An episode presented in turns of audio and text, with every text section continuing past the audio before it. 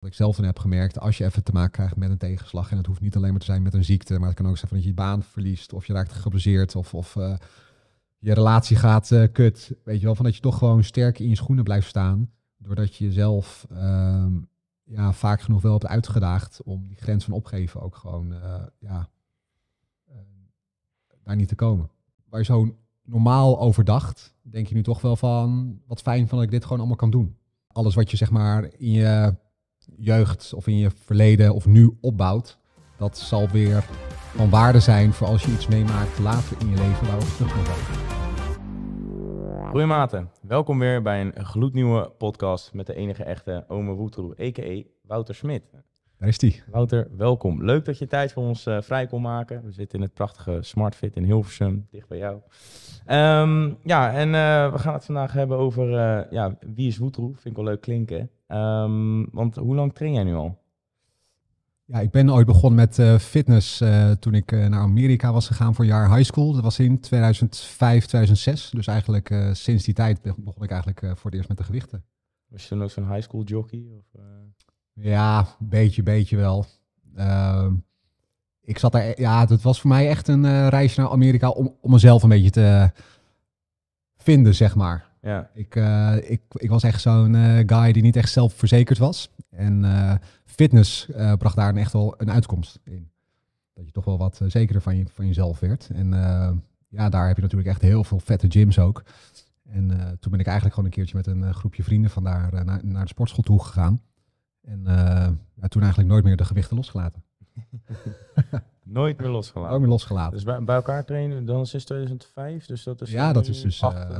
18, 18 jaar. jaar. 18 ja. jaar. Ja, ongeveer vanaf mijn 17, 18e. Ja, ik ben nu 35, bijna 36. zo lang als ik. Ik hoop dat ik ja. dat ooit ook mag aantikken, dat ik die uh, stabiliteit uh, vasthoud. Nou, je bent nu toch ook al wel... Uh, ik ga frequent naar de sport. Ja, ik ben lichtelijk dus verslaafd. Ja, daarom.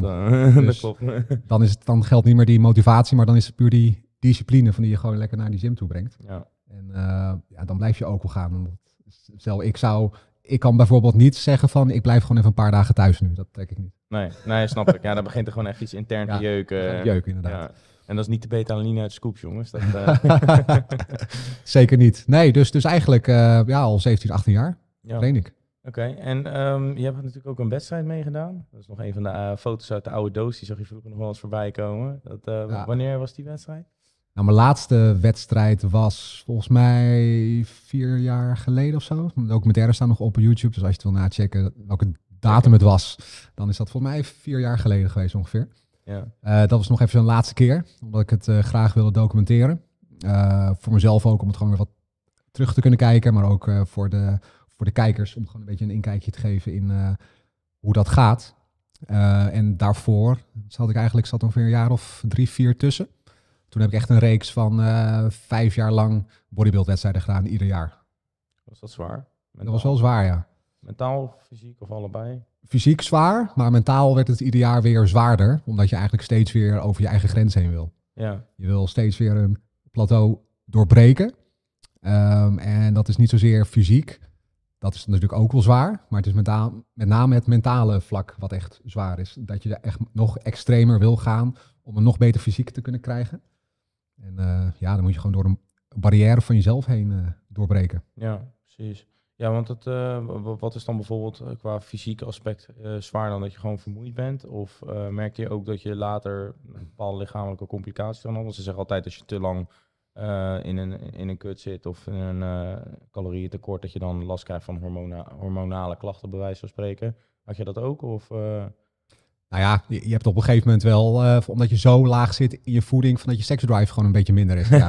dat is inderdaad een van de dingen waar je het aan kan merken. Precies, ja. Die video afneemt. Maar dat heeft ook wel deels mee te maken met dat je zo gefocust bent op jezelf, mm -hmm. dat, dat, dat de buitenwereld zeg maar een beetje verdoemt om je heen. Dus, dus ja, daar heb je eigenlijk wat minder focus door. En ja, weet je wel, uh, als, als je de liefde bedrijf met iemand, dan moet je ook de focus hebben voor iemand anders. Weet je wel? En niet alleen maar voor jezelf. Nee, ja. Dus, dus ja, nee, dat, ja, dat wordt gewoon wat minder. En je hebt er ook minder zin in, omdat je zo erg laag zit in je energie ook. Um, Maar je bent zo gefocust, ben ik dan op mezelf geweest. Dat, het, eh, ja, dat was voor mij ook wel het moment van dat ik toen dacht na vijf jaar eigenlijk, oké, ik, eh, ik stop ermee. Dit is niet echt iets meer van wat ik eh, nog wil doen. Ja, snap ik.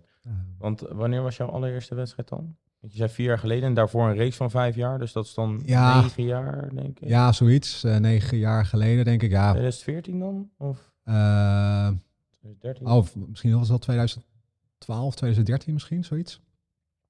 Ja, rondom dat jaar denk ik. En wat was voor jou de reden dat je mee wilde doen aan zo'n wedstrijd? Nou, de reden was dat ik eigenlijk, ehm, ik werd, ehm, ik zat aan de bar. Van, ja, dit, dit is geen, geen gekke grap of zo. Ik zat aan de bar van de Gold Gym. En toen eh, maakte ik kennis eigenlijk met mijn toenmalige coach Robert. Een oud eh, bodybuilder en heel erg iemand die heel veel in de sterkste man eh, sport zat. En die zei tegen mij van, goh, je hebt aanleg ehm, voor een gespierd lijf. Zou je niet een keertje mee willen doen met een eh bodybuildwedstrijd? Nou goed, dat was voor mij eigenlijk een soort van eh, zaadje wat in mijn hoofd werd geplant. Toen was ik over aan het nadenken. Ik dacht van, hé, hey, het zou heel erg vet zijn om mezelf op zo'n manier eh, uit te kunnen dagen. Ja, Kijken hoe ver ik zou kunnen gaan. En, en ja, wat ik bij mezelf zou kunnen ontwikkelen, fysiek gezien. In een periode van, dat was volgens mij eh aanloopperiode van vier, vijf maanden of zo. ja. Dus ik werd daar wel door gepusht en gemotiveerd. Ik dacht van, hé, hey, laten we dat gewoon eens kijken. Gewoon een beetje out of your comfort zone, in een slip, gebruind, gewoon op het podium staan. Weet je wel? Dat is ook weer niet iets alledaags van wat je doet. Kaneelbroodje. Dat zei kaneelbroodje inderdaad, ja. Dus ja, dat was voor mij gewoon waarvan ik dacht van, hé, hey, ik daag me gewoon een keertje uit. Met iets wat ik eh, normaal gesproken nooit zou doen. Ja, En eh, uiteindelijk heb ik toen nog vier jaar lang eh, dat gedaan en steeds eigenlijk meer progressie geboekt.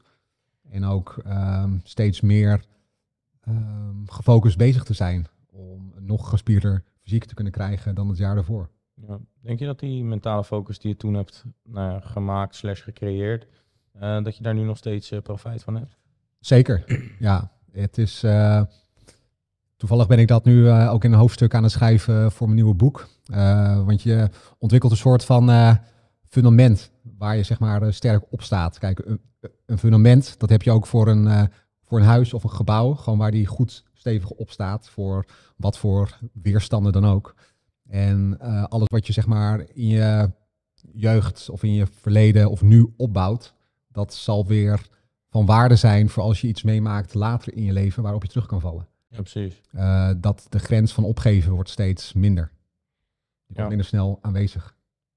En dat merk ik dat dat eh, voor mij heel erg helpt nu. Dat je, dat je gewoon soms kan terugvallen. Denk je van, joh, is het nou zo erg? Weet je wel, ik heb dit gedaan, ik heb dit doorgemaakt. Ik heb, toen, ik heb toen niet opgegeven. Ik ben gewoon doorgegaan. En ja, die grens van opgeven wordt op die manier, eh, ja, komt veel minder snel op dan als je dat soort dingen niet zou doen. Ja, precies. Oké. Ja, want eh, met die wedstrijd, ehm, je zei dat je naar Goldgym ging. Eh, we zitten natuurlijk, heb je daar in de buurt gewoond of ging je speciaal naar Goldgym voor de experience? Uh, nee, ik werkte daar toen als uh, fitnessinstructeur. Dat Ah, was uh, oké. net nadat ik mijn HBO-opleiding had afgerond. Toen werkte ik daar, dus ik ging altijd naar de gym.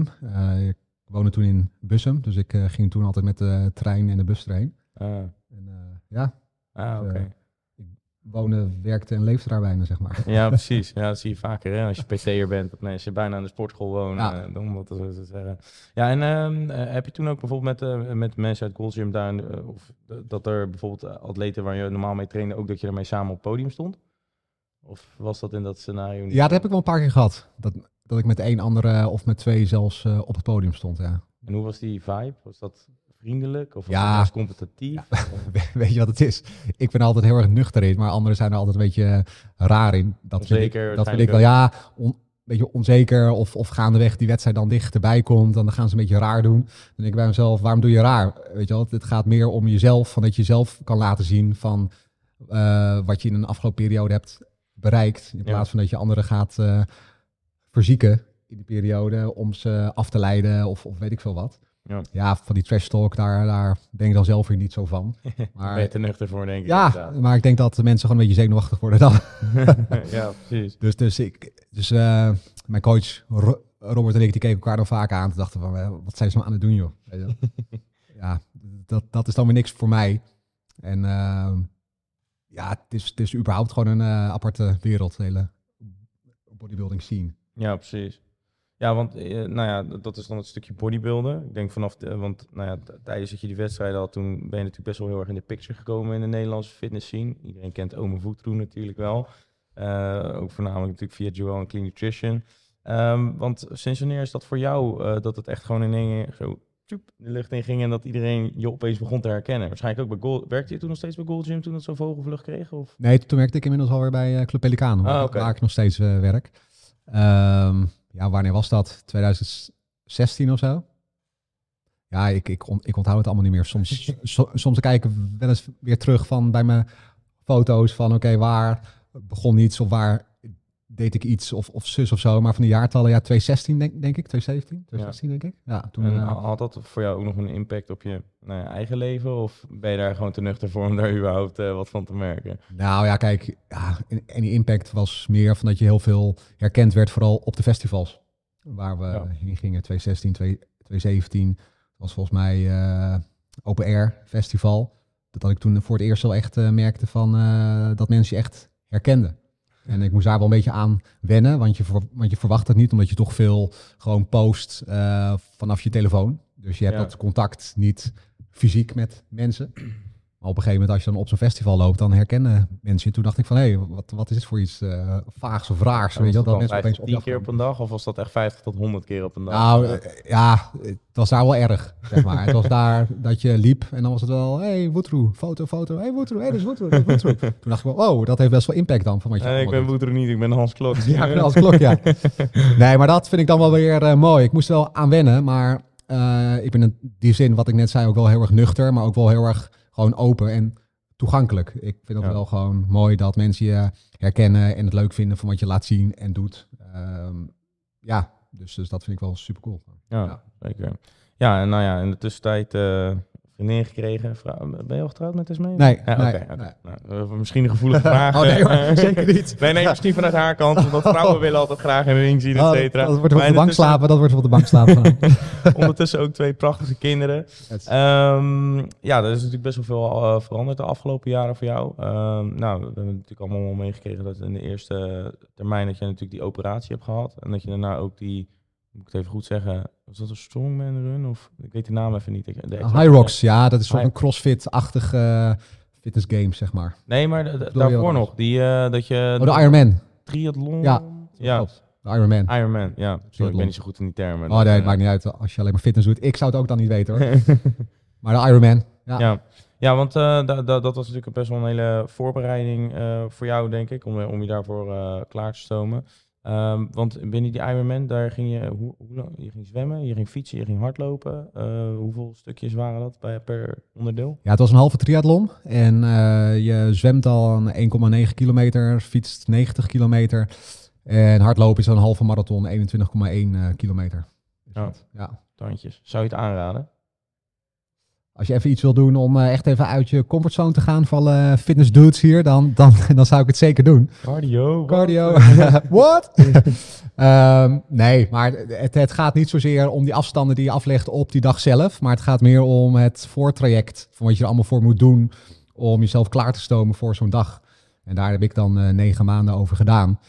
En ja, de aanleiding voor mij was van dat ik eh, een keertje toen negen maanden daarvoor had meegedaan aan een echt een mini-eventje. Met, met, met wat was het, twee kilometer hardlopen, 500 meter zwemmen en eh zes kilometer fietsen. En ik ging er compleet vanaf, terwijl ik dat niet had verwacht. Dus toen dacht ik bij mezelf, ik ben hier zo kapot van. Fysiek gezien, niet mentaal. me- Mentaal ook. En van, mentaal ook wel. kan ik dat nou weer niet gehaald Precies. hebben? Dus toen dacht ik, oké, ik moet hier goed in, in worden. Want ik ben dan wel weer iemand van die ja, er niet zo goed tegen kan, van dat ik iets dan niet goed kan. ja. Ehm, dus toen eh, ben ik gaan opzoeken op eh, internet, op YouTube, wat documentaires over de Ironman.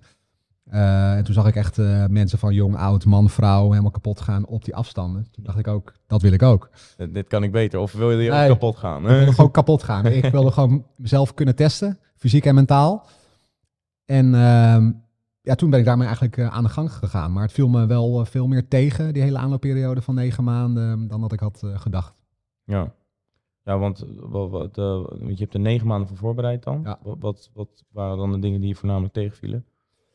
Nou, vooral de trainingstijd van die je per dag erin moest stoppen. Ik Oh. was denk ik wel een uur of twee, drie per dag gewoon bezig. Tandjes. En geen krachttrainingen of zo. Dat heb ik na een maand geskipt, omdat dat gewoon niet samengaat. Want je maakt jezelf fysiek gezien gewoon helemaal kapot. En als je ja, benentraining gaat doen en dan gaat hardlopen, ja, dat, dat schiet niet op. Dat kan wel, maar Dat kan wel. lopen is wat minder leuk. Precies. Dan word je meer een soort van doodloper. en, en- en je moet waarschijnlijk echt 8000 calorieën op een dag eten. dan Ja, je moet, veel, je moet veel eten. Je moet Ja. heel veel eten. En ehm, ja, toen, toen was het gewoon mijn eh, spullen mee. Toen ging ik in mijn pauze van mijn werk hardlopen. En dan 's ochtends vroeg nog eh, zwemmen. En dan op de fiets stappen. En dan ging je bij, eh, binnen in de woonkamer nog op de fiets op zo'n eh, tax. Dus dat is dat je fiets dan vastzit eh, Ja, ja. op een apparaat. Degene Niet die dat je de woonkamer uitfietst. Nee, nee, nee, precies. Dan op, op een scherm. Het is ook gewoon een heel erg eh, ja, saai en geïsoleerd leven. Omdat je ook weer iets doet waar je alleen maar zelf iets mee kan doen, zeg maar. Ja, precies. Dus eh, ja, dat was wel heel erg tegenvallend. En eh, ik vond hardlopen vond ik zwaar, fietsen wel weer leuk, maar zwemmen was ook, ook wel zwaar. Dat was het enige waar ik nog een beetje een pomp van kreeg. Dus daar was ik nog een beetje zelf voldaan van. Ja, Iedereen denkt altijd dat je voor zwemmen grote schouders krijgt. Is dat zo? dat kan wel. Ja. Als je die eh, topzwemmers allemaal ziet, dan... eh, ja, die lopen er allemaal zo bij. ja, vooral, bij die vrouwen, daar zie je dat echt wel eh, Ja, heel ja, erg. klopt.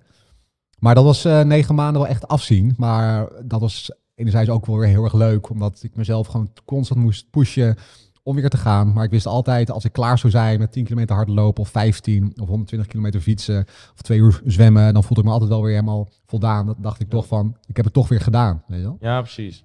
Ja, negen maanden, dat is net zo lang als een kind baren. Voelt Precies. het, voelt het voor jou ook als een kind baren? Ja, Of dat- dat- deze uitspraak dat- niet doen. Dat, dat weet ik niet. Dat kan ik, nooit, dat kan ik nooit zeggen. Dus daar ga ik ook geen antwoord op geven. Eh, maar het was wel echt eh, gewoon zwaar. Ja, Ja. ja. ik, ik ben mezelf wel eh, vaak tegengekomen daar.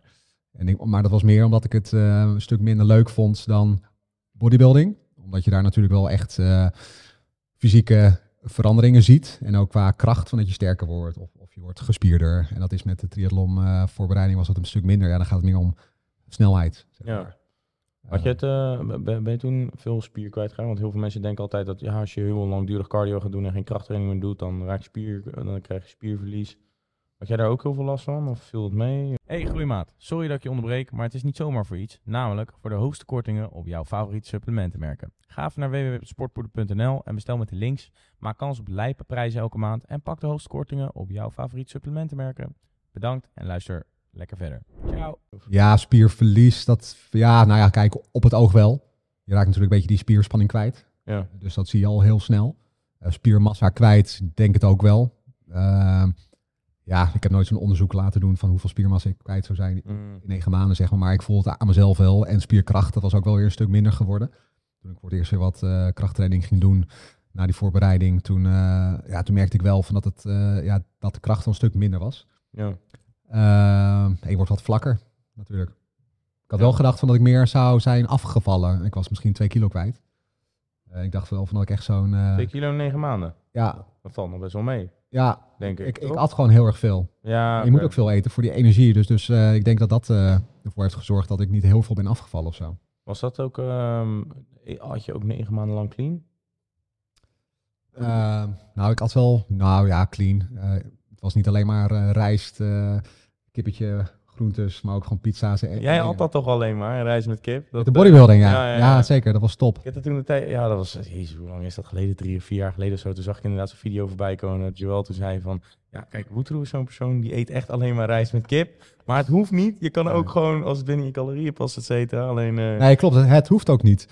Alleen als je in die voorbereiding zit van een bodybuilding-wedstrijd, dan, dan wil je er echt alles voor doen, zodat je zo min mogelijk eh, ja, vet binnenkrijgt. ja. En het juiste aantal eh, carbs eh, binnenkrijgt. En, en helemaal in de laatste paar weken voordat je het podium op moet, ja, dan ga je nog even een slag dieper. Ja, Ehm, ja, en dan kom je een beetje tot die mental breakdown eh, bijna. ja, precies.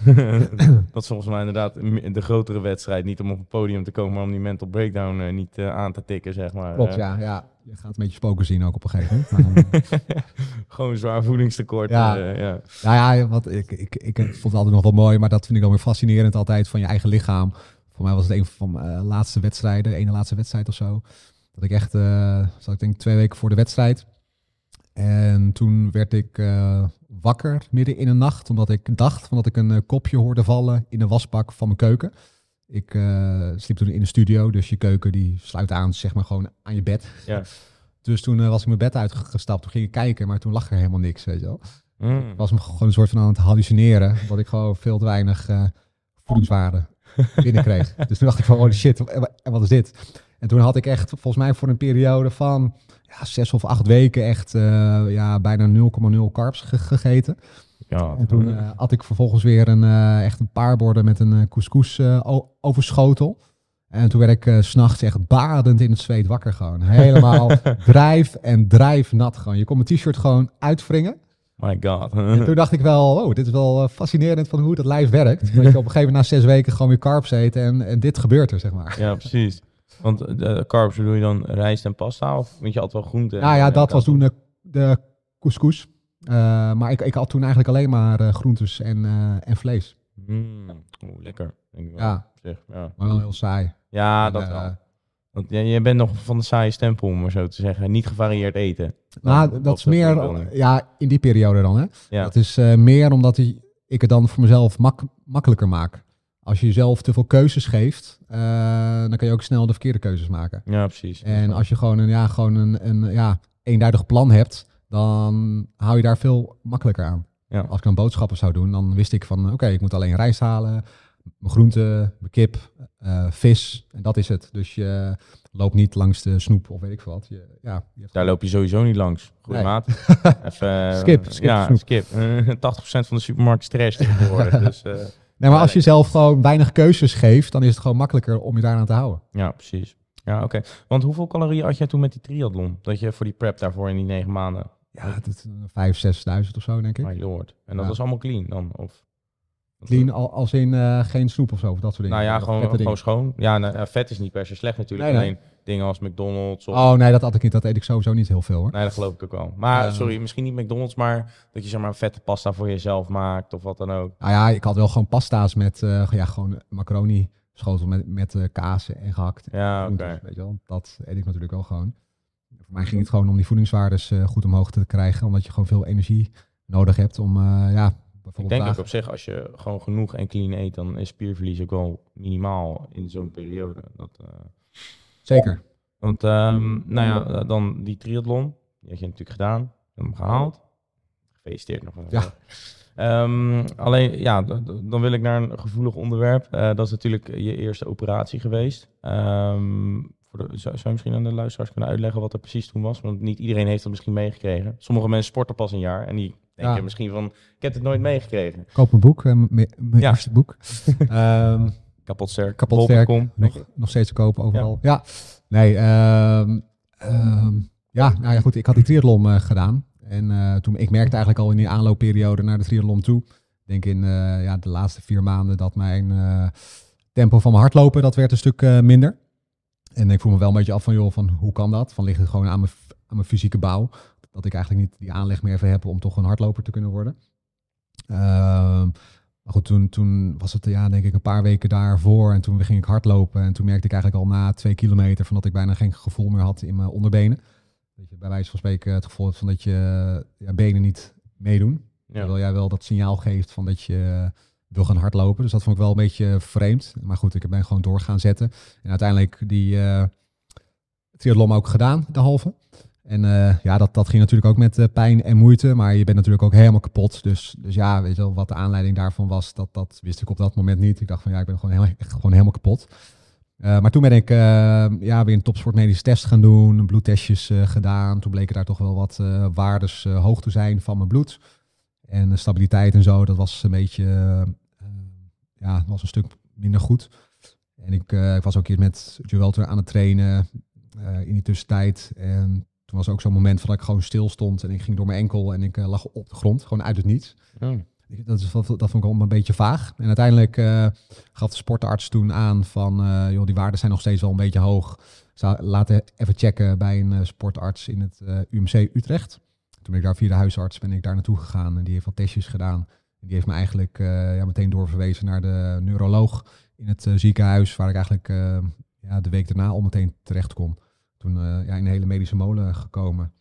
Uh, 13, uh, 13 keer bloed laten aftappen op allerlei dingen. Een EM, EMG-testje gedaan. Dus dat is de spieractiviteit en de zenuwactiviteit testen van hoe dat gaat. Dus we waren eerst een beetje bang, dat hoorde ik achteraf, dat het uh, ALS zou kunnen zijn, dus de spierziekte. Ja, ja. Dat uh, start ook een beetje vanaf uh, onderuit naar boven toe. nou ja, achteraf gelukkig wist ik dat toen niet, want dan zou ik mezelf helemaal gek maken, zeg maar. Ehm, en ehm, ja, toen eh, eigenlijk uit- de MRI-scan, toen bleek dat eh, ja, een 5,5 centimeter tumor in mijn eh, ruggenmerg zat, in de zenuwbaan. Bij me. Dat verklaart dan waarschijnlijk waarom je onderbenen niet Ja, precies. voelde op het moment van inspanning. Ja. ja. Dus ja, je kan het een beetje uitleggen als een, als een tuinslang, zeg maar, die aanstaat en je knijpt de slang dicht, zodat er bij, bijna geen water meer doorheen komt. ja. Dus de informatiestroom vanaf je hersenen zeg maar, naar je benen toe, dat, dat wordt een stuk minder. En eh, ja, dat verklaarde dat. En eh, ja, toen was mijn vriendin ook eh, hoogzwanger van ons eerste. ja. En ja, toen begon eigenlijk dat traject dat ik toen geopereerd zou worden een paar maanden daarna. Ja. Ja. Die operatie is goed gegaan. Ja, die is goed ja, die, was goed gegaan. Hij, wa- hij was weg, toch? Volgens Ja, mij? ze hebben hem helemaal eh, weggehaald, die 5,5 centimeter tumor. eh, tumor. En ehm, eh, ja, daar ben ik toen zes weken van moeten stil liggen en bijna niet eh, mogen sporten. En eigenlijk toen Ook nog corona gekregen. ook nog corona gekregen ook, ja. Ja, je zou bijna allemaal, allemaal, allemaal vergeten wat er op je afkomt. Eh, Ja, ik, ik, ik weet nog dat ik dat toen op social media zag, dat jullie het zeg maar al best wel zwaar hadden. Omdat, nou ja, die kleine was er natuurlijk net. En, en je had net die operatie geweest. Kreeg je ook nog corona eroverheen, terwijl dat je naar huis wil met die kleine. Ja, nou, en de verbouwing van onze buren nog, dat was Oh, ook nog eh. bij. Die waren heel erg heftig aan, aan het boren ook. Dus dat was, eh, ja, dat was ook, ook geen pretje allemaal. Ja. Maar goed, uiteindelijk eh, er doorheen gesleept. En toen na drie maanden, toen eh, kon ik weer mijn eerste benchpress doen in de Gouden Tempel. Die was lekker. Die was lekker. Die was lekker. Ik ging weer iets te zwaar van start. Dus ik kreeg weer last van, van mijn schouder. Dus een tip van als je er even uit ligt, bouw het rustig op. Maar goed, soms ben je gewoon heel erg, heel erg enthousiast. Ja. Ehm, waarschijnlijk had je ook al drie scoops V2 in je nek ja, wellicht, ja. Ja, en toen tijdens die, eh, eh, of na die operatie, hadden ze eigenlijk ook al in het voorste stadium al wel een ander eh, vlekje ontdekt, wat eronder zat. Maar dat was eh, ja, niet zeg maar de moeite waard om het eruit te halen tijdens die operatie, omdat dat allemaal wat eh, ja, meer schade misschien zou kunnen aanrichten. En ehm, ja, dus, dus eh, toen ben ik vervolgens op een jaarlijkse controles eh, teruggekomen. Om te controleren of de plek waar geopereerd was, of dat eh, nog helemaal schoon was. En hoe dat andere vlekje zich eh, ontwikkelde. En eh, ja, dat ging eh, tot twee controles eh, goed. Alleen eh, toen afgelopen zomer in juni bij mijn tweede jaarlijkse controle. Toen eh, ontdekten ze toch weer een nieuw eh, plekje bij mijn staartbeen. Dus dat is wel een andere plek dan waar het eerst zat. Ja, Ja. ja. ja. Oké, en ehm, daar mag nu niet geopereerd worden omdat het... Was het nou te klein of is het omdat het anders te riskant is, zeg maar? Ja, het is, ehm, het is nu voor nu geen optie zeg maar, om te opereren, omdat ik eh, al geopereerd ben op een andere plek. En er zitten nu op twee plekjes eh, zitten twee tumoren dan nu, eh, die ja, vrij klein zijn nog. ja, die nieuw is zeg maar 9 millimeter. Eh, in vergelijking tot die 5,5 centimeter die ik eerst had, is het dan weer kleiner. Ja. Ehm, en ze willen dat eigenlijk nu niet, gewoon niet opereren, omdat het ja, in die zin nu nog niet zoveel kwaad doet. Ehm, en als we dan nu weer gaan opereren, ja, je onderrug wordt echt een stuk ons- onstabieler. ja. Ik heb natuurlijk al zes eh, bouten in mijn rug zitten. En als er dan nog meer bij Voor die komen, vorige operatie. die vorige operatie, ja. Ja, dan maak je onderrug gewoon een stuk instabieler. Ja. En eh, ja, voor nu eh, ja, gaat er nu binnenkort de bestralingsperiode starten. Van, ja, want dat is een lokale bestraling dan, denk ik, van toch? mijn onderrug. Ja. Ja. van die twee plekjes. Ja, dus dan...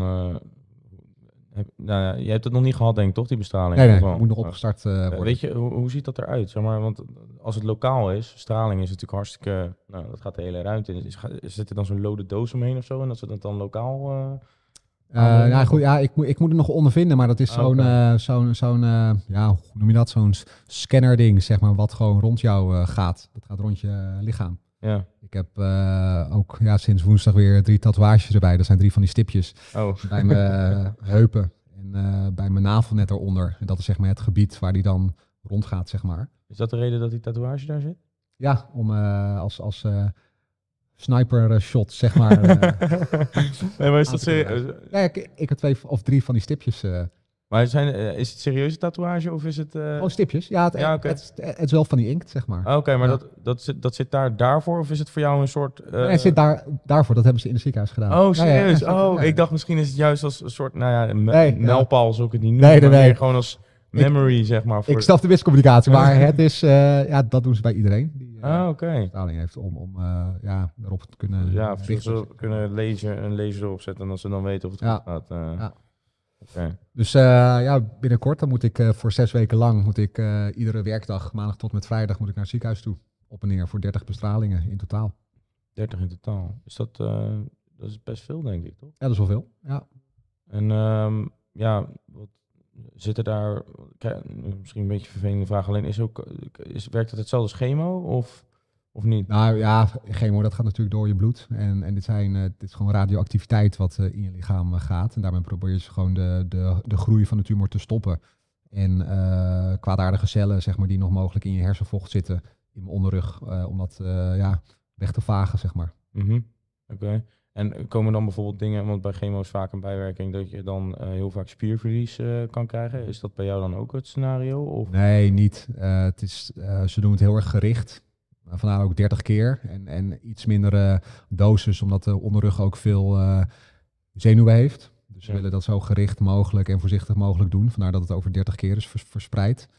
En ja, wat ik zou kunnen er- ervaren is, ver- is vermoeidheid of misselijkheid. Dat is Ja. het. Maar ik mag in principe gewoon eh, doorsporten. Gewoon doortrainen. Ja.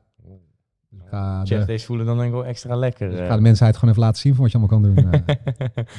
ja, want je, je gaat dan ook weer vaker mee trainen met Joel dan. eh. Nou, dat, ja, kijk, dat wil ik wel hoor. Alleen, eh, je hebt natuurlijk ook gewoon zelf ook eh, gezinnetje, werk. gezin, ik heb een vaste baan, ik ben met allerlei dingen bezig ook. Ja, Eh, precies. dus dus je, je wil soms te veel, maar soms moet je een beetje prioriteiten stellen. Ja. En ook helemaal in die periode van zes weken moet ik eens maar even kijken van hoe dat allemaal gaat. Want Ja. misschien word ik niet vermoeid van de radioactiviteit, zeg maar, maar misschien wel gewoon van het op en neer gerij in, in het ziekenhuis zijn en weet ik wat. Het, is- toch niet zo'n prettige sfeer eh, daar. Het ziekenhuis blijft inderdaad. eh, ja, ik, ik ben er nog nooit iets positiefs geweest. Nee. Dat, eh, ik ben Nou altijd ja. geweest voor een oma die op het ziekenhuis Ja. lag voor drie jaar lang. En dan ja, blijf je op en neer rijden. Je hebt er geen positieve associatie mee in ieder geval. Nee, alleen met de, met de bevalling van onze twee Oh ja, kids. ja, tuurlijk. Dat is eh, natuurlijk. ja. Ja, ja, nou, waar, waar dood is, is leven, Ja. bij wijze van spreken. Of in ieder geval niet op die manier, maar in ieder geval dat. Ja, voor de kids natuurlijk. Dat is Zeker. wel. eh, Ja, alleen de mooi. afdeling waar ik zelf eh, op kom, dat is de radiotherapie. Ja, dat is niet, eh, niet, niet de meest vrolijke afdeling, zeg maar. Nee, Zo. ik denk inderdaad dat kraamzorg wat gezelliger is eh, Ja. daarin. Nou ja, zal vast, eh, zal vast goed komen. Dus eh duim, eh groeimaten, duim even voor eh, er waren heel veel positieve comments natuurlijk ook eh, over de- dat je misschien weer vaker in beeld komt. Dus eh, laten we hopen dat we dat eh, in de toekomst weer gaan zien. Ja, we kregen een vraag van een volger. En nou, ik vond het misschien een beetje een directe vraag. Maar hoe gaat het nu echt met je? Echt met me. Ja, zeg maar, ja, dat, we zien altijd een glimlach. Alleen, eh, ja. Ja, ik moet je zeggen, dat is op zich ook eh, wel zo hoor. Ehm, kijk, ik heb natuurlijk eh, mijn momenten gehad dat ik er wel eventjes eh, goed doorheen zat. En ehm, ja, dat, dat, heb ik ook wel eens, dat slecht nieuws heb ik gedeeld, ook in mijn video's. En, en eh, toen ik, ja, dan dat je dan steeds slecht nieuws krijgt, dan heb ik wel eventjes, ja, wat is het ongeveer minimaal of maximaal een, een week van dat ik mezelf bij elkaar moet rapen. En weer eventjes moet bedenken van, oké, hoe halen we hier weer de, po- de positiviteit uit of naar voren? En dat lukt me al, altijd wel aardig. Alleen af en toe heb je gewoon eventjes een periode nodig van dat je op jezelf eh, focust en je gezin. En eh, kijk, ja, ik, ik leef natuurlijk al 2,5 jaar met iets in mijn rug wat er niet hoort. Weet je, wel. En je Ja. weet ook niet van eh, hoe het over vijf jaar is of over tien jaar of, of over 15 jaar of wat je allemaal nog mee gaat, gaat maken. Alleen als je daar steeds zo druk over maakt, dat beperkt je heel erg in wat je nu in het nu kan doen. En eh, ik ben voor mezelf nu gewoon heel erg lekker bezig met eh, nieuwe dingen ontwikkelen. En, en eh, waar, ik mee, waar ik mee bezig ben, ook heel veel energie uithaal. En wat ja, ook wel weer een valkuil met zich meebrengt, van dat je te veel wil doen, omdat je het ook een soort van afleiding zoekt. En ja, dat, dat merk ik wel een beetje aan mezelf, van dat ik daar soms een beetje mee worstel. Van ja, je wil zoveel. En soms camoufleert het misschien ook een beetje je, je verdriet of angst of, of de boosheid, zeg maar. Ehm, alleen, ja, ik merk wel van dat ik wel altijd bezig moet zijn. Ik, ik, Ja. Als ik eh, nu Afleiding eigenlijk ook. Afleiding ook. Eh, maar dat ik ook gewoon, eh, niet alleen mezelf, maar ook andere mensen gewoon pro- probeer te laten zien dat je ook al zit je een beetje in een, in een, in een negatieve shit waar je zelf geen invloed op hebt, dat je toch wel controle kan hebben over andere dingen. Ja, precies. Dus verlies de controle niet helemaal, probeer de controle weer deels terug te pakken en probeer toch gewoon ja, die stappen naar voren te maken met iets. Ja. Ja, want je zegt van, ik heb dan altijd een weekje nodig om het te herpakken. Ik denk dat er wel meerdere mensen zijn die wel slecht nieuws krijgen. Ehm, wat, voor stappen zet jij voor jezelf dan om daar doorheen te komen, zeg maar? Wat, eh, Ja, kijk, het moment van dat je dan slecht nieuws eh, ervaart, dan eh, denk je wel als je oké, wat de fuck moeten we hier nou weer mee? En dan ehm, is het eerst zaak van dat je het voor jezelf een beetje relativeert en een plekje geeft. Vervolgens dan eigenlijk een beetje probeert over te praten met eh, mensen die dichtbij je staan. Weet je wel? Het is toch wel, eh, dat vind ik zelf soms nog steeds wel moeilijk hoor, omdat, om alles te delen van wat je voelt. Omdat het toch best wel, eh, ja, het is wel iets heftigs van wat je soms meemaakt. ja. Uh, alleen het is wel goed om bepaalde dingen soms een beetje te delen met je naasten. En vervolgens is het voor mij eigenlijk de stap van, oké, okay, je, je gaat nu niet de hele tijd thuis zitten of op de bank of je, of je gaat het internet afzoeken naar antwoorden of oplossingen, want dan maak je jezelf natuurlijk helemaal gek. Dat heb ik wel weer geleerd van de allereerste keer toen ik slecht nieuws uh, kreeg. Uh, om dan vervolgens gewoon, oké, okay, te gaan denken van wat kan ik hier voor iets positiefs uithalen. Ja. En uh, wat helpt mij om ja, niet te verdrinken in nare gedachten. Dus weet je, dan ga ik gewoon naar de gym toe. Focus op mezelf, telefoontje weg. Weet je wel, niet laten afleiden door dingen van buitenaf. Ja. wat er niet toe doet. boeken lezen ben ik heel veel gaan doen sinds 2,5 jaar. Dat vind ik wel echt iets heerlijks. Van dat je toch gewoon eventjes, ja, je vergeet de tijd ook. Dus je, ja. dus je wordt helemaal opgeslurpt in het verhaal of in de theorie van die je leest. En niet op TikTok dat je wordt opgeslurpt. Nee, precies. dat precies. anders. Nou ja, dat is allemaal zo. Het is wel leuk, maar het is een beetje zinloos, weet je wel. Ja, Want je steekt er niks ja, van op. Misschien wat inspiratie om een leuk filmpje of een dansje te doen. Maar goed, daar kom je ook weer niet verder Ja, mee. of als je een stukje uit deze podcast krijgt. Ja, precies. ik wil niet helemaal eh, fijn trappen, maar ik bedoel meer van, ja, doe iets eh, zinnigs vooral van waar je iets positiefs uit kan halen. Eh, van kennis of, of je gezondheid kan verbeteren of, of op sociaal vlak. Van dat je gewoon ja, wat leuke dingen doet met je, met je vrienden, ja. familie, ehm, wat dan ook. Dus zoek de juiste afleiding daarin. En, en dat helpt mij dan op een gegeven moment heel erg. En op een gegeven moment helpt het mij ook om andere mensen dan te inspireren met mijn verhaal. ja. En, en ik zeg al tegen mezelf, ik ben ook lezingen gaan, gaan geven nu. Eh, van kijk, stel er zitten honderd mensen in een zaal, dan is het voor mij al goed van als ik één iemand weet te inspireren. Dat Ja. vind ik al eh, mooi. En daar haal ik dan zelf ook weer eh, kracht en, pos- en positiviteit uit. Optimist. Ja, Glas is half vol. nou ja, In toch, plaats ja. van half leeg. Het is, het is ook een beetje van wat je verwachting is. Als je er steeds maar vanuit gaat van dat je van 100 mensen 99 man wil inspireren. Ja, dat gaat niet worden natuurlijk. Je moet Nee, een beetje realistisch zijn. Het, hetzelfde geldt voor het stellen van doelen. En, en eh, dat heb ik voor mezelf ook wel bedacht. Van na die operatie dacht ik van nou, we gaan weer even deadliften. Misschien weer 220 kilo, 250. Ja, dat zat er dus niet in. Was even een domper, maar dan stel je je doel weer bij. En dan... eh, ging je door je rug dan? Of nee, ging je niet- gewoon niet omhoog? Nee, dat, dat ging Oh, daarna niet. Joh, ik had laatst ook 170 kilo niet eens in de lucht gekregen. dus eh, you're not alone in that one. Nee, maar het is meer van, van, van, dat je re- van dat je wat realistischer bent en je doelen bijstelt. Want eh, dat merkte ik ook wel. Van be- bepaalde dingen lukken gewoon niet of minder goed. Maar ja, heeft het dan zin om daar constant maar op te gaan zitten en te zorgen dat het verbetert. Terwijl dat misschien heel, heel erg moeizaam gaat. Dan is het voor mij meer van oké, dan zoek ik iets eh, waar ik nieuwe energie uit haal. ja, snap ik. Ehm, dus ja, zo is mijn stappenplan eigenlijk een beetje. Ja. Ja, je probeert nu ook eh, anderen te, te inspireren en te helpen. Je hebt natuurlijk ook sinds kort een eigen, of in ieder geval, het bestaat voor mij al een tijdje, een de kapot ster community. Dus als jullie nog een event bij willen wonen. 4 maart, hè, toch? Ja, 4 maart is eh, gericht voor iedereen. Ehm, op zaterdag op het ehm, eiland 10 gemeente vlakbij Rotterdam. Een heel erg inspirerend event. Met eh, onder andere Ray Klaasens van uh, Kamp van Koningsbrugge komt te spreken over veerkracht, karakter, eh, motivatie, discipline. Ik ga een lezing geven over fysieke en mentale weerbaarheid. Eh, ademhalingsworkshop, ijsbadworkshop. Komt er voor een, en wat leuke activiteiten. Lunch, barbecue, marshmallows, silent disco. Gewoon een hele leuke dag. Ja. Scoor je kaartjes nu. 100 tickets. 100 totaal. tickets. Oh, nou, dat gaat hard. Ja.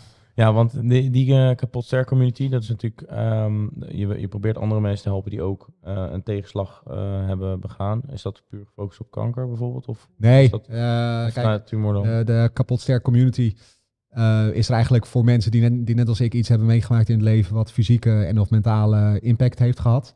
Eh, de mensen die er nu binnen de community zitten, ja, dat is heel erg divers. Eh, van een depressie tot epilepsie tot ehm, herseninfarct, eh, kanker, tumor, leukemie. Ja, eigenlijk van alles. Het is gewoon, het is niet zozeer van dat ik de mensen daarin heel erg help en coach. Dat is een onderdeel ervan. Maar het is ook vooral de community. eh, dus dat je elkaar tips en tricks kan, kan geven, Ja. elkaar kan motiveren, kan inspireren. En ja, het is een soort van Facebook-platform wat aan de achterkant zit, gekoppeld met een eh, leeromgeving waar ik dan wel van alles opzet, van eh yogalessen tot meditatielessen, wat eh, andere mensen dan voor mij laten filmen. Cursussen, wat verder wordt uitgebreid, trainingsschema's, oefeningen en kapot sterk. De, en de coaching wat ik aanbied, dat staat er ook op. Dus daar kunnen mensen ook aan deelnemen. Dus eigenlijk een community wat van alles omvat.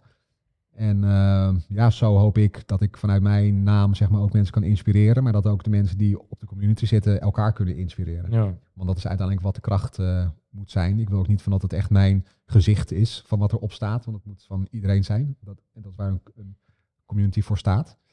En eh, ja, het kapotsterke event is daarentegen dan weer gericht voor iedereen die gewoon geïnspireerd wil worden. Om ehm, ook uitdagingen aan te gaan of doelen te stellen of om te gaan met tegenslagen in wat voor vorm dan ook. ja, precies. Dus er zijn eigenlijk twee verschillende dingen, maar beide vind ik heel erg leuk om, eh, om te kunnen doen. Ja.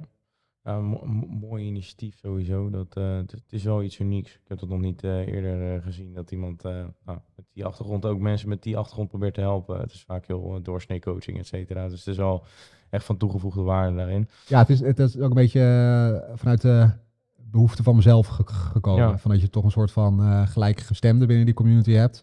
En ehm, dat je, ja, je wordt wat sneller begrepen, zeg maar. Doordat anderen ook, dat, ook zo'n periode zeg maar, hebben meegemaakt. Is het makkelijker levelen met iemand. Ja, Kijk, als eh, iemand, van, iemand van de krachtsport een bakje koffie gaat drinken met iemand van, van de cardio, ja, dan is het ook heel erg anders natuurlijk. Hè? dat zeker. Snap je? Dus dat, dus dat is een beetje het verschil. De, de, de Ja, cardio persoon daar- die neemt een bakje koffie en wij nemen een, eh, een bakje pre-workout. Precies, ja. ja, ja.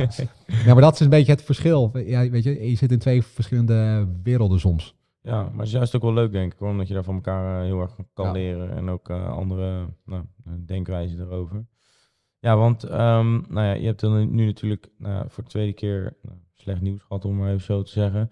Ehm, hoe probeer je daar zelf me- mee om te gaan? Want ik denk wel dat na de eerste keer dacht je, hoopte je waarschijnlijk natuurlijk wel gewoon van oké, hopelijk ben ik er nu gewoon vanaf en krijg ik nooit meer zo kut nieuws te horen in mijn leven. Hoe probeer je daarmee om te gaan? Ja, kijk, ik, eh, toen ik het eh, voor de tweede keer dan hoorde, een half jaar terug, toen vroeg ik wel aan de neurochirurg eh, die mij belde, waar ik ook, die mijn behandelend arts is, van, joh, van hoe kan het nou van dat ik het nu weer heb? Toen zei hij van ja, wellicht heb je er een soort van aanleg voor. Ehm, dus Ja, ja, dus dat genetische aanleg. eh, zoiets, ja. ja. Het is een bepaalde celdeling en dat komt het bij eens in zoveel mensen voor. En dan ben jij net de pineut, zeg maar, waar het bij voorkomt. Dus ja, weet je wel, het, dus af en toe moet je op zo'n moment komen van dat je bepaalde dingen toch een beetje moet accepteren of een plek moet eh, geven. En ehm, ja, het is, het is eigenlijk een soort van onderdeel van mijn leven geworden nu. Het, ik heb het nu al 2,5 jaar van dat ik het eh, weet. Eh, die neurochirurg zei ook van ja, misschien die eerste tumor, dat, dat had er ook al wel tien jaar kunnen zitten. Want het groeit heel erg langzaam en op een gegeven moment dan krijg je er last van. ja. Eh, dus, dus ja, ik heb me toen. Ik raakte ook wat minder gestrest weer de tweede keer dan de, dan de eerste keer. Dus je leert er op mijn gevoel een beetje mee omgaan. Ehm, bij wijze van spreken wijze van- ervaringsdeskundige. zoiets, ja, eh, ja. Dus je weet van wat je verwacht en hoe je weer zo'n periode doormaakt. Van dat je de klap weer even moet verwerken. Alleen ik ben nu wel zo ja, nuchter van dat ik denk van ja, weet je wel. Ik heb de eerste keer die is toen verwijderd. Tweede stipje, dat zit er nog steeds. Er is nu een derde bijgekomen. Ja, het kan zo zijn dat over vijf jaar er misschien weer iets komt of zo.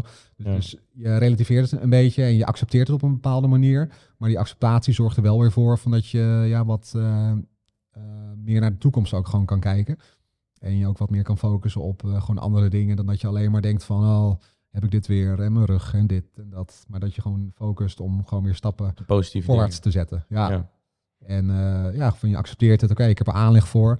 Een soort van talent. Daar moet je dan iets mee doen. En, en ja, zo is die, en, en zo is die community geboren.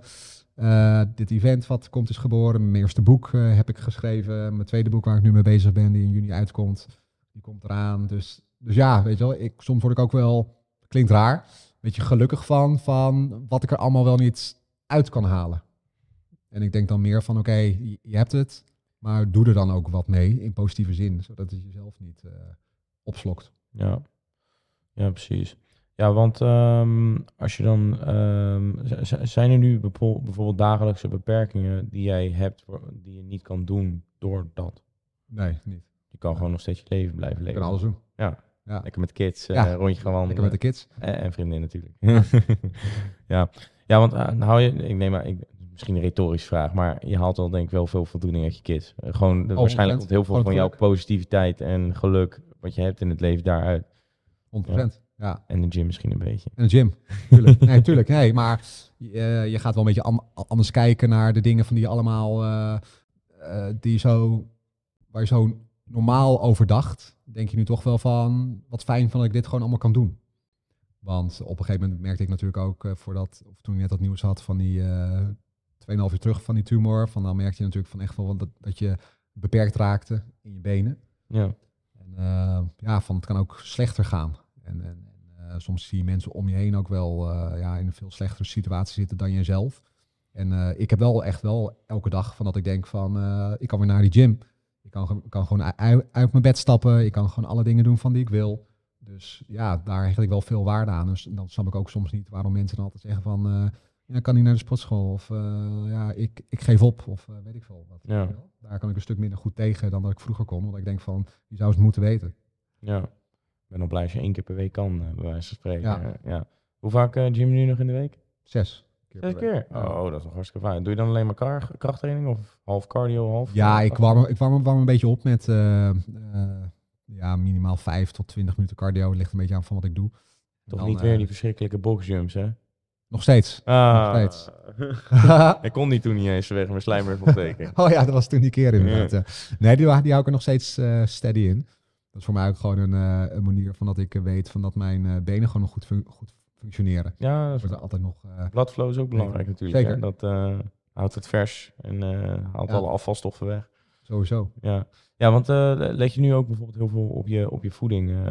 dat, om het, nou, bij wijze van spreken, nou, schade te beperken zou ik niet noemen, maar Ja, kijk, er gaan heel veel theorieën, die kan je lezen en op YouTube vinden met het gebied op voeding en kanker en, en weet ik veel allemaal wat. En ik krijg het ook altijd wel in mijn DM doorgestuurd van eh, dit onderzoek en iemand zei dit weer in de podcast en zo. Ja, ja kijk, eh, elke situatie van iemand anders die te maken heeft met tumoren, met kanker, is, is allemaal anders. Je kan het niet vergelijken met elkaar. Eh, iemand met darmkanker of, of bloedkanker, of weet ik veel. Dat is allemaal anders. Dat is Ja. totaal iets anders. Dus er zijn andere dingen die, die impact hebben op je leven. En eh, ik ben daar ook wel een beetje van, vanaf gestapt van, eh, moet ik alles gaan volgen wat mensen zeggen over voeding en kanker, van, van wat er tegen kan gaan of wat Ja, goed precies. is. nou, ik denk dat jij trouwens wel redelijk clean eet. Ik eet heel eh, clean ook. En, en ik heb het ook in het ziekenhuis ge- gevraagd van hoe zit het dan met de suikers? Kan het schade hebben voor de groei van tumoren? Weet je wel, dit en dat. Maar in principe geven ze daaraan van dat het niet zoveel invloed eh, heeft. Natuurlijk komen er wat reacties van mensen. Ja, maar ik heb gehoord dat.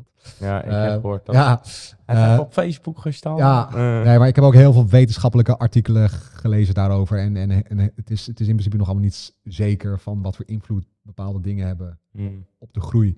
Dus, dus ik ben daar een beetje van afgestapt. Maar ik, ik zorg er wel voor van dat ik gewoon niet heel veel vette dingen eet. Of aan de snoep zit. Of heel veel suikers natuurlijk dan binnenkrijg. Dat, dat vind ik ook gewoon niet heel chill.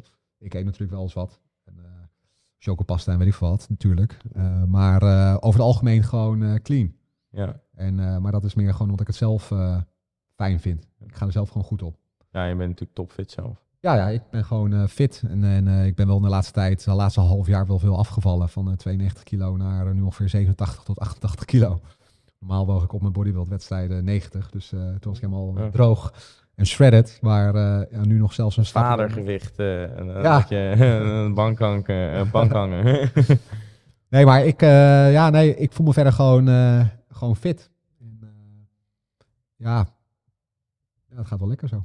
Nou, dat is goed om te horen. Wat, ehm, want wat zijn, jouw, wat zijn jouw plannen voor de komende jaren, Voetroe? De komende jaren. je bent natuurlijk bezig met een community aan het opbouwen. Ja. Ehm, wil je daar uiteindelijk, want je, je werkt nu natuurlijk als eh, cl- clubmanager bij Club Pelikaan. Eh, wil je dat uiteindelijk, ehm, wil je dat fulltime gaan doen als eh, community? Ik weet niet hoe het allemaal gaat in de toekomst. Kijk, ik, ik vind, ik, ik, ik heb er zo naar gekeken van, ik ga me niet te hoge doelen stellen van een community. Ik hoop gewoon van dat het langzaam groeit. Het is een community met een best wel ja, specifieke doelgroep. En Een sommige, hele bijzondere niche, Ja. denk ik. sommige mensen die misschien toebehoren aan die doelgroep, die vinden het misschien nog een beetje ja, eng of, of onduidelijk van of het iets is voor hun of zo. Dat, dat snap ik ook. Dus het zal denk ik veel mond-tot-mond eh, re- reclame moeten zijn ook. Eh, ik ben ook weer niet zo iemand die het constant maar wil gaan posten op het internet, want dan word je ook wel een beetje gek van al die berichtgeving, want het is niet voor iedereen. Ja. Namelijk, het is niet een community zoals jullie hebben, wat, wat voor eh gym rats is. en, eh, 16 tot 34 jaar. ja, precies. Ja. Dus, dus weet je wel, het is een ander soort doelgroep. En ik hoop gewoon voor dat het komend jaar eh, ja, gewoon lekker doorgroeit. En eh, dat het eh, de kapot events, dat ik ook meer per jaar kan organiseren op leuke, leuke plekken. En ehm, ja, dat, dat het ook verder groeit. En mijn boek ben ik natuurlijk mee bezig. Wat in de zomer, juni dit jaar uit gaat komen. Lezingen wil ik meer, meer gaan geven voor ehm, ja, grotere groepen mensen. Wat ook nu langzaam een beetje begint te lopen. Dus ja, en het werk van wat ik zelf nu doe als vestigingsmanager, dat vind ik ook nog steeds heel erg leuk. Ja. Eh, dus dus eh, ja, dus zoveel om uit te kiezen. Het is net een soepwinkel, joh. ja. ja, want je geeft ook nog best wel eens vaak lezingen, want dan kom je op hogescholen langs volgens mij. En dan... Ja, ik heb er weer een aantal eh, gep- gepland staan. Volgende week dan bij het ROC, Sport en Bewegen. waar ik dan voor studenten twee keer een uur een lezing geef. Op een college in april. Voor 300 man is volgens mij. Hm. Eh, voor een bedrijf in maart moet ik twee dagen langskomen voor een lezing en een workshop. Dus eh, ja, ik hoop dat dat ook een beetje doorgroeit gewoon. Ja. Leuk. Leuk. Wat eerst nooit iets voor mij was, om lezingen te geven op een podium. Is Want waar, wat is dan de inhoud van zo'n lezing? Waar, waar heb je het dan over? Nou, vooral over de fysieke en eh, mentale weerbaarheid, wat het belang daarvan is. En wat het voor mij heeft betekend. Kun je spe- een beetje specificeren wat fysieke Nou ja, en mentale weerbaarheid Dat inhoudt? gaat erover van dat je zoveel mogelijk kan investeren in jezelf. eh, In het heden en in het verleden. Dat je jezelf probeert uit te dagen, nieuwe doelen probeert te stellen, uit je comfortzone probeert te komen. eh, en dat dat eigenlijk heel erg veel helpt voor de toekomst. Wanneer je voor eh, iets moeilijks komt te staan. Dat hoeft niet alleen maar een tegenslag te zijn, maar het kan ook gewoon zijn van dat je jezelf kan triggeren om jezelf uit te dagen met een nieuwe doelstelling. Ja. eventjes wat anders te proberen dan dat je constant maar gewend bent. Mensen zijn tegenwoordig heel vaak gewoon heel erg makkelijk, weet je wel. Het is gewoon een door de weekse dag, van maandag tot met vrijdag, naar je werk van 9 tot 5 en dat gaat maar door. routine, Ga maar heel door. Ja, ja, Ja. het gaat maar door. Maar het is soms ook wel gewoon goed om jezelf even uit te dagen met iets anders. Door een halve triathlon te doen bijvoorbeeld. Ja, maar dat hoeft geen eens, weet je wel. Van dat je gewoon even iets doet wat anders is. Wat niet gebruikelijk is van wat je doet. Want anders dan roest je gewoon helemaal vast.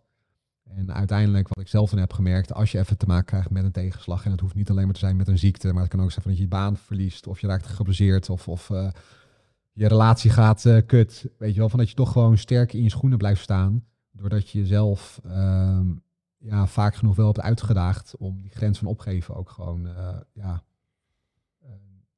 daar niet te komen. Ja. Oké. En, eh, want je doet natuurlijk, nou, je doet nog wel eens, jij gaat ook wel eens uit je comfortzone. Je hebt natuurlijk eh, verteld over die eh, halve triathlon die je hebt gedaan. Je had aan het begin van de aflevering had je het over high rocks. Dat is dan een soort, is het crossfit? Ja, het, het- het- dat is het makkelijkst om het zo een klein beetje uit te leggen, maar het is ook weer net niet. Het is wel toegankelijker dan CrossFit, Ja. eh, maar het lijkt er een beetje op. Kijk, het is een combinatie van hardlopen en verschillende uh, fitness-elementen, van burpees tot lunches, sled pull en push, noem maar op. Ja. En eh, dat- doe je dat dan vaak? Zo'n, Nou, eh, dat, dat, dat was toen even weer een uitstapje. Ah, oké. Gewoon een uitstapje. Om gewoon weer even jezelf te prikkelen in die... eh, even in- even in te testen weer. Ja, ja want, eh, vind je dat dan leuk om eh, dat soort... eh, wat vind je leuker? Krachttraining of cardio? Ja, kracht wel. Dus dan eh, ga je liever aan de dumbbells eh, slingeren in Ja, dat plaats vind, van dat vind je... ik wel het leukste. Alleen ik vind het ook wel heerlijk om eh, in de buitenlucht te kunnen zijn. Ik heb dat wel. eh, kijk, ik ben echt een mooi weer fietser geworden. Dus Mhm. ik, ik stap van de zomer of in het voorjaar wel weer lekker op mijn racefiets. Ja, Eh, omdat ik ook dat ook wel gewoon lekker vind, dat je eventjes met jezelf bent en door die natuur heen eh crost. ja, En eh, even je gedachten op nul kan zetten. En, en je verbrandt natuurlijk ook wel lekker veel calorietjes. ja, ja dat is Maar, kan je meer eten. Ja, dan, maar dat vind ik wel top. En ik ben nu ook weer eventjes een beetje op zoek naar goede hard, hardloopschoenen. Omdat ik het hardlopen wel weer een beetje wil oppakken gewoon. Ik vind het daarom echt wel lekker om gewoon in de buitenlucht te kunnen zijn ook. Want in de sportschool ben je toch vaak rondom mensen. En dan raak je te snel afgeleid ook soms. Maar soms ook gewoon chill om eventjes eh, weg te zijn van de eh, bewoonde wereld. Ja, precies. Ja, hadden ook nog een kijkersvraag die zei, doe je nog wielrennen? Alleen, heb je ooit gewielrend? Oh, gezondheid. We hadden ook nog een kijkersvraag die vroeg van, doe je nog wel eens een wielrennen? Heb je dat gedaan? Ik heb dat nooit Wat? mee. Wielrennen? Ja. Met die triathlon, toch? Oh, dat bedoelde hij. Oh ja, Ja. ik snapte niet. Ja, Ah. ik heb uit de krachtsport, hè. Dus, Eh, eh, joh, cardio, wat is dat Ik heb, net een, ik heb net een heel verhaal gehouden over triathlon, fietsen. Nee, ja, nee, maar ik, ja, ik dacht gewoon fietsen op een mountainbike of zo, niet op een Nee, nee. Maar ergens achteraf gezien had ik dat wel kunnen weten. Dat, ja. Nee, het is echt een racefiets. En ik, eh, ja, ik heb dat altijd wel eens eh, nog steeds gedaan hoor, na die triathlon ook. En ook vlak voor mijn operatie toen. Toen mocht ik namelijk geen krachttraining doen. Dus ben ik op zoek gegaan naar wat anders. En dat kon was fietsen. Ja. En eh, ja, ik fiets ook wel eens vaak naar, naar mijn werk toe. Eh, wanneer de dagen wat, eh, wat langer zijn en wat warmer zijn. Dus dan ook, ook weer een ritje van twee keer 20 kilometer. Dat, dat, dat is wel veel lekker gewoon. ja. Ja. En dan hadden we nog een kijkersvraag. Wie was jouw idool vroeger? Ja, vroeger was het toch wel eh, Arnold Schwarzenegger. Waar ik altijd wel naar keek. En die filmpjes. Nou, en Ronnie Coleman was natuurlijk altijd die, die voorbij kwam. Maar dat was meer dat je gewoon gemotiveerd raakte van hoe zij aan het liften waren. Ja, en ke- En, keek je eh, dat dan op Hives of zo? Of op MSN? Hives? Nee, op YouTube was dat. Of, of gewoon films hè, van eh Ja, oké, oké. Schwarzenegger. Hetzelfde geldt voor Sylvester Stallone. Ja. En, eh, en Jean-Claude Van Damme. Die kennen jullie allemaal niet, denk ik. Maar Oh, ja, ik ken, Wel, ik ken ja. wel hoor. Nou, je had toen die Expendables. Daar zaten toen al Ja, die ja, bad boys van vroeger zaten daarin. Arnold, Sylvester, Jean-Claude Van Damme, iedereen. Maar dan echt wel de oudere films. Die, en die, zijn wel top. Ja, ja, beter dan wat er tegenwoordig geschoten wordt. Dus eh, jouw inspiratie was Arnold. Gewoon eh, de, de olden golden era. Ja, ik heb ook nog zijn uit, uitgebreide boek, volgens mij, de Arnold Schwarzenegger Encyclopedie of zo, die heb je natuurlijk. Hè? Bestaat? Ja, dat is een heel dik boek met al zijn oefeningen en leuk, die is leuk voor kerst. Nou, Ja. Volgend jaar weer, jongens. Oké. En we kregen ook nog een vraag ehm, van Sjoerd. Die vroeg of je nog wel eens een wedstrijd zou willen doen. Nee, dat is klaar. ja, is Ja, echt nee. klaar? Maar dat heb je eerder gezegd, toch? Dat het klaar was. Ik denk er soms nog wel eens eh, aan, maar dat, dat idee dat vervaagt al, alweer snel. Soms denk ik van, eh, zou ik het toch nog weer een keer doen? Ik denk, nee, dat gaan we niet meer doen. Dat niet nee, dat, dat is echt eh, klaar. Valt denk ik ook niet te combineren met je huidige nee, en, en ik wil ook zo... Nee, precies. twee kids, Ook dat. heel- eh, 40 uur per week werken en dan ook nog je eigen onderneming Ja. natuurlijk. Dat, Nee, dat wordt te gek. ja, ik denk dat je jezelf dan inderdaad wel heel erg over de streep trekt. Droog keeltje. Ja, nou, stay hydrated. Ja, ja. Eh, Oké. Ehm, ja, nou, ik denk dat we een heel mooi eh, gesprek hebben gehad over eh, wie- is Woetroe. Ehm, misschien op de vraag wie is Woetroe, kan je daar een heel kort bondig antwoord op voor jezelf op geven wie jij precies bent. Is dit heel eh, als ik hem zo stel? Ja, dat is altijd een beetje lastig om, om te zeggen. Wat even. Moet ik er heel veel over nadenken. Wie is Woodrow? Ja, hoe kan ik het best wel omschrijven? Nou, eigenlijk Wouter. Wie is Wouter? Wouter is de clubmanager van Club Pelikaan, maar Woodrow is degene die jullie kennen op Instagram en op YouTube. Nee, van als ik me kort kan omschrijven, dan is, dan is het wel dat ik iemand ben die, ehm, die het vooral heel erg leuk vindt. Ja, ik vind dat woord eigenlijk gewoon helemaal kut. Dat, dat comfortzone, weet je wel. Dat, dat, dat, dat, dat, Nee, maar dat wordt zo... gewoon- eh, Dat is het eigen cirkeltje waar je in zit en, waar je soms wel eens uit mag eigenlijk- schieten. Precies, ja. Het is, ik, kijk, ik ben zo iemand die zich heel erg graag wil... Ik wil me heel erg graag uittesten met eh, dingen die, die onbekend zijn. Waar ik echt gewoon eh, tot het gaatje moet gaan, over mijn eigen grenzen moet gaan. Om mezelf, zeg maar, fysiek en met name mentaal nog sterker te kunnen maken.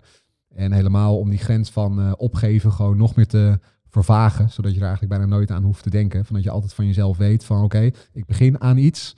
Maar ik weet zeker dat ik het altijd zal halen, omdat ik nooit zal opgeven.